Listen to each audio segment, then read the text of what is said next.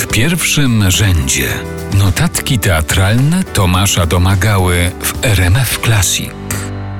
W pierwszej scenie słynnego już na całą Europę operowego Hamleta w reżyserii Krzysztofa Warlikowskiego z paryskiej Opera Bastille, przebywająca w szpitalu dla nerwowo chorych, kompletnie pozbawiona kontaktu z rzeczywistością królowa Gertruda, siedzi na wózku inwalidzkim przed telewizorem i ogląda czarno-biały film. To jeden z 13 filmów Roberta Bressona, Damy z Lasku Bulońskiego. Żeby odszyfrować znaczenie tej sceny, warto przyjrzeć się bliżej jej postaci, gdyż w operowym libretcie Michela Carré i Julesa Barbiera ma ona nieco inną trajektorię losu niż w arcydziele Szekspira. W oryginale nie ma jednoznacznej odpowiedzi na pytanie, czy Gertruda brała jakikolwiek czynny udział w zamordowaniu męża.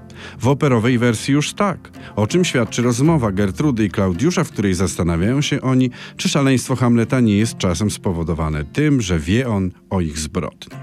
W finale opery Tomasa Królowa nie zostaje otruta, dlatego Warlikowski może zamknąć ją w zakładzie dla obłąkanych, przeprowadzając oczywiście jej postać przez słynne sceny pułapki na myszy czy freudowskiej rozmowy z synem. A jak się ma do tego Bresson i jego damy z Lasku Bulońskiego? Film Bressona opowiada o pięknej, lecz zepsutej Helenie, która wystawiwszy na próbę miłość ukochanego Jean, dowiaduje się, że ten już jej nie kocha. Z zemsty podsuwa mu prostytutkę Agnes, z którą ślub ma go skompromitować.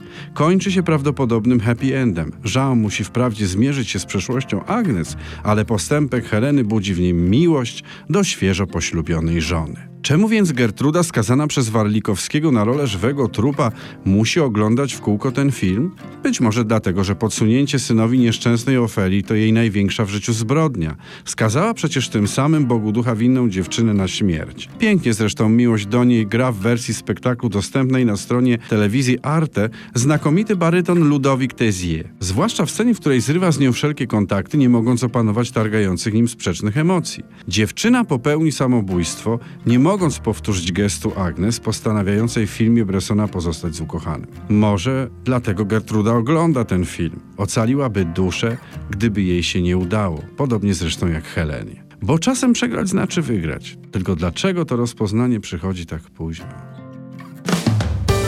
W pierwszym rzędzie notatki teatralne Tomasza Domagały.